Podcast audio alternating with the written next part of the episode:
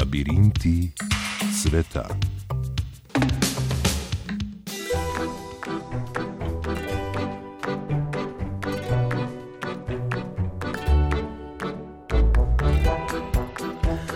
Iran je izvolil novega predsednika. Ibrahima Raisija se je oprijela etiketa ultrakonservativnega klerika, čez dober mesec bo nasledil zmernega Hasana Rohanija, ki po dveh mandatih ni mogel več kandidirati.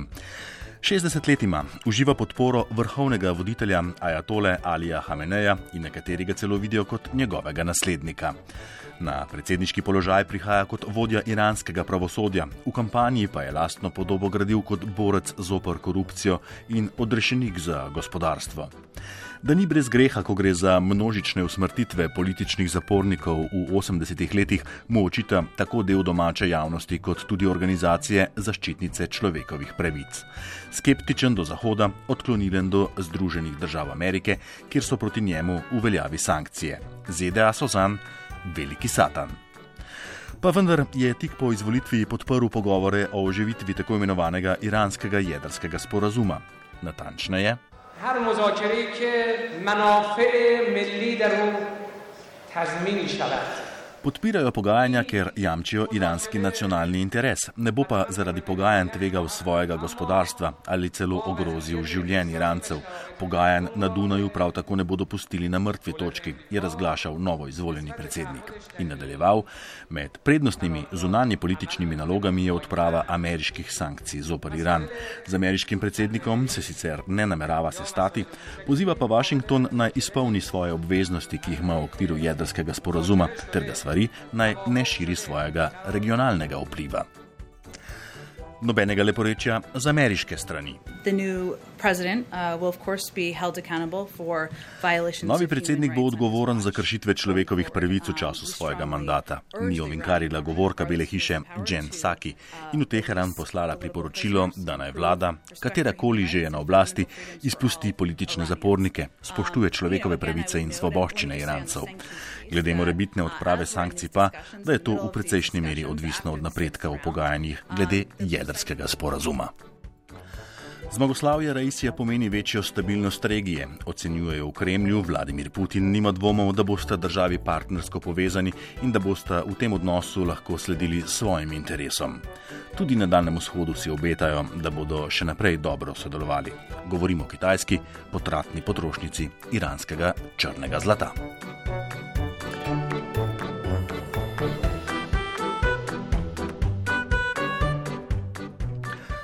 Na drugem koncu sveta, a čisto poleg nas, odmik od multikulturalizma nazaj pod plašč nacionalizma.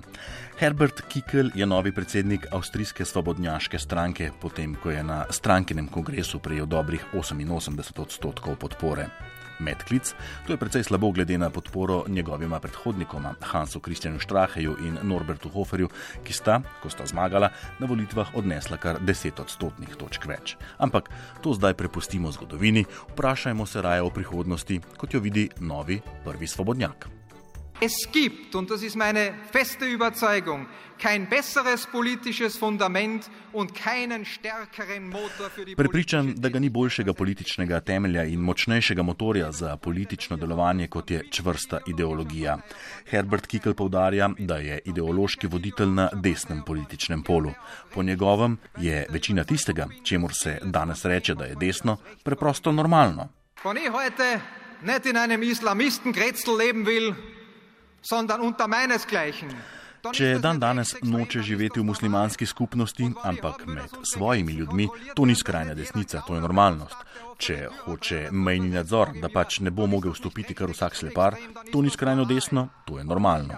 In Kikl pričakuje od zvezdne vlade, da bo iskala najboljše rešitve za Avstrice, ne pa le za tiste, ki so vladi najbolj predani. Za tiste, ki se kot ovce prilagajajo mednarodni čredi, ker se počutijo varne, ko se skrijejo za hrbet Angele Merkel, Ursula von der Leyen ali Emanuel. Emanuela Macrona.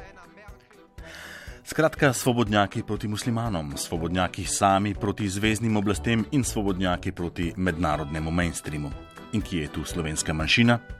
Morda v tem sporočilu, da se je Kikl razglasil za učenca nekdanjega koroškega državnega glavarja in predsednika svobodnjakov Irga Hajdarja.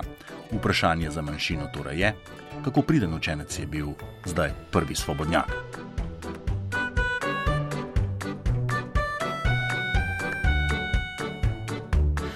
Deveterica katalonskih politikov in civilno-družbenih voditeljev, ki so zaradi sodelovanja pri izvedbi referenduma o katalonski neodvisnosti leta 2017 končali za zapahi, je dočakala pomilostitev.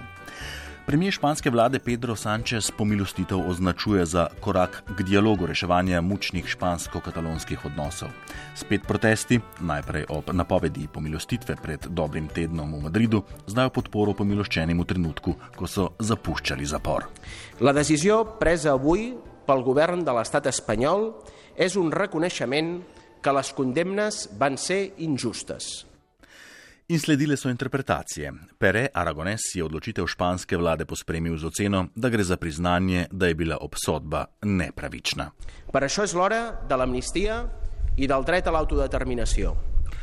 In še, da je čas za pomilostitev tudi čas za pravico do samoodločbe, za dogovorjen referendum in rešitev v skladu z notranjim soglasjem. Vse to pa, da bi privedlo do mednarodne odobritve ter socialne povezanosti.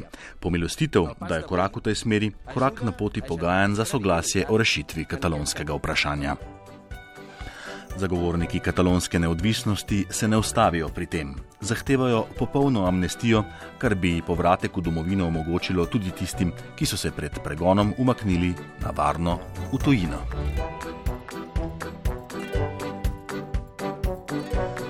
Kako neizmerna je moč politike, da lahko poseže v intimno sfero posameznika? Morda bi bilo v teh dneh to lahko vprašanje za Jožefa Sajerja, nekdanjega tesnega sodelavca predsednika mađarske vlade, tistega Sajerja, ki se je rad pobahal, da je sam poskrbel za tisti del ustavne reforme, ki je zakonsko zvezo opredelila kot heteroseksualno zvezo a verjetno se ga bolj spomnimo kot vodje nacionalne delegacije stranke Fides v Evropskem parlamentu, kot tistega sarja, ki je v strahu pred razkritjem lastnih občutkov po žlebu bežal z gejevske zabave, z orgije, na kateri sredi najstrožjega lockdowna v Bruslju policisti med racijo udeležencev, kako pak niso dobili le brez mask a nekdani politik v teh dneh ni povzdignil glasu in opozarjal na spornost mačarske zakonodaje, ki mladoletnim prepoveduje izobraževalne programe in vsebine o homoseksualnosti in transseksualnosti. Zakonodaje, ki je v širšem evropskem prostoru prepoznana kot zakonski temelj za diskriminacijo skupnosti LGBTIQ. A imamo brezmeni prostor za kreativno interpretativnost. You know, I'm a freedom fighter in the communist regime. Homosexuality was punished. And I fought for their freedom and their rights. So I, I am defending the rights of the homosexual guys. But this law is not about that. It's about the right of the kids and the parents, you know. Da je borec za njihove pravice, je dejal Viktor Orban ob prihodu na srečanje voditeljev držav članic Evropske unije, da je bil borec za svobodo v času komunističnega režima, ko je bila istospolnost kaznovana in on se boril za njihovo svobodo in pravice. Torej, je sklenil, se postavlja v bran homoseksualcev, a ta mačarski zakon po njegovem ne govori o tem, pač pa o otrocih in starših in o tem, kako bodo samo starši tisti, ki bodo v teh zadevah vzgajali svoje otroke. Do zakonodaje je kritična Evropska komisija, ki ima pravne zadržke. Več držav je že v začetku tedna podpisalo pismo in jo pozvalo k ukrepanju. Med podpisi ni podpisa Slovenije. Ker? Ker bo tako malo predsedovala svetu Evropske unije, pri čemer da se zaveda razlik v stališčih in ureditvah posameznih področji v posameznih članicah, Slovenija pa da vstopa v položaj neutralnega pogajalca. Skratka, Slovenija zamuja priložnost, da v pogajanja vstopi iz pozicije moči predsedujoče svetu Evropske unije. Prav v tej vlogi bi morala delovati kot varuhinja vrednot in prava unije. In ko ob tem Mačarska Evropskemu parlamentu, milo rečeno, v razmislek ponuja ideje o primarnosti nacionalne nad evropsko zakonodajo, se oglasi nizozemski premijer Mark Rutte in prizna, da bolj ko se jezi, večjo uslugo dela mačarskim oblastem. Jasno, brez utvar, nizozemski euroskepticizem je sila drugačen od mačarskega in Rutte ima svojo agendo. En ik had nooit verwacht toen ik elf jaar geleden deze baan kreeg dat Ko je prevzel položaj pred 11 leti, je pričakoval, da se bo boril za enotni notranji trg, za močan evro, za skupno varnost, ki si jo nudijo kot članice te čudovite skupne unije, je pojasnjeval Rute in dodal, da si nikakor ni predstavljal, da bo treba razpravljati o teh temeljnih pravicah. Pa se ni ustavil pri tem in naj bi Orbanu predlagal sprožitev 50. člena, ki opredeljuje izstop članice iz Unije, če ne želi spoštovati vrednote Evropske unije, pač po vzoru Brexita. Pa če imamo na eni strani jasno mačarsko pozicijo, je na drugi jasna nizozemska. Pričemer si težko predstavljamo, da bi lahko bilo skozi besede predsednikov vlad drugačno mačarsko ali kakorkoli drugačno nizozemsko stališče. Ni pa si težko predstavljati, da bi lahko bilo drugačno, ne mlačno slovensko stališče. Kaj že smo se med drugim naučili v antiki? Da kdo molči, se strinja.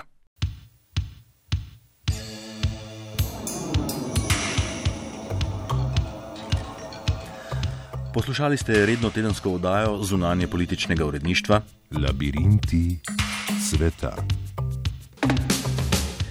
Pripravil sem jo Luka Robida, zvočno podobo je nadel Vojko Frelih, urednik uredništva je Matjaš Trošt. V labirinte sveta lahko vstopite tudi preko našega spletnega arhiva ali podcasta.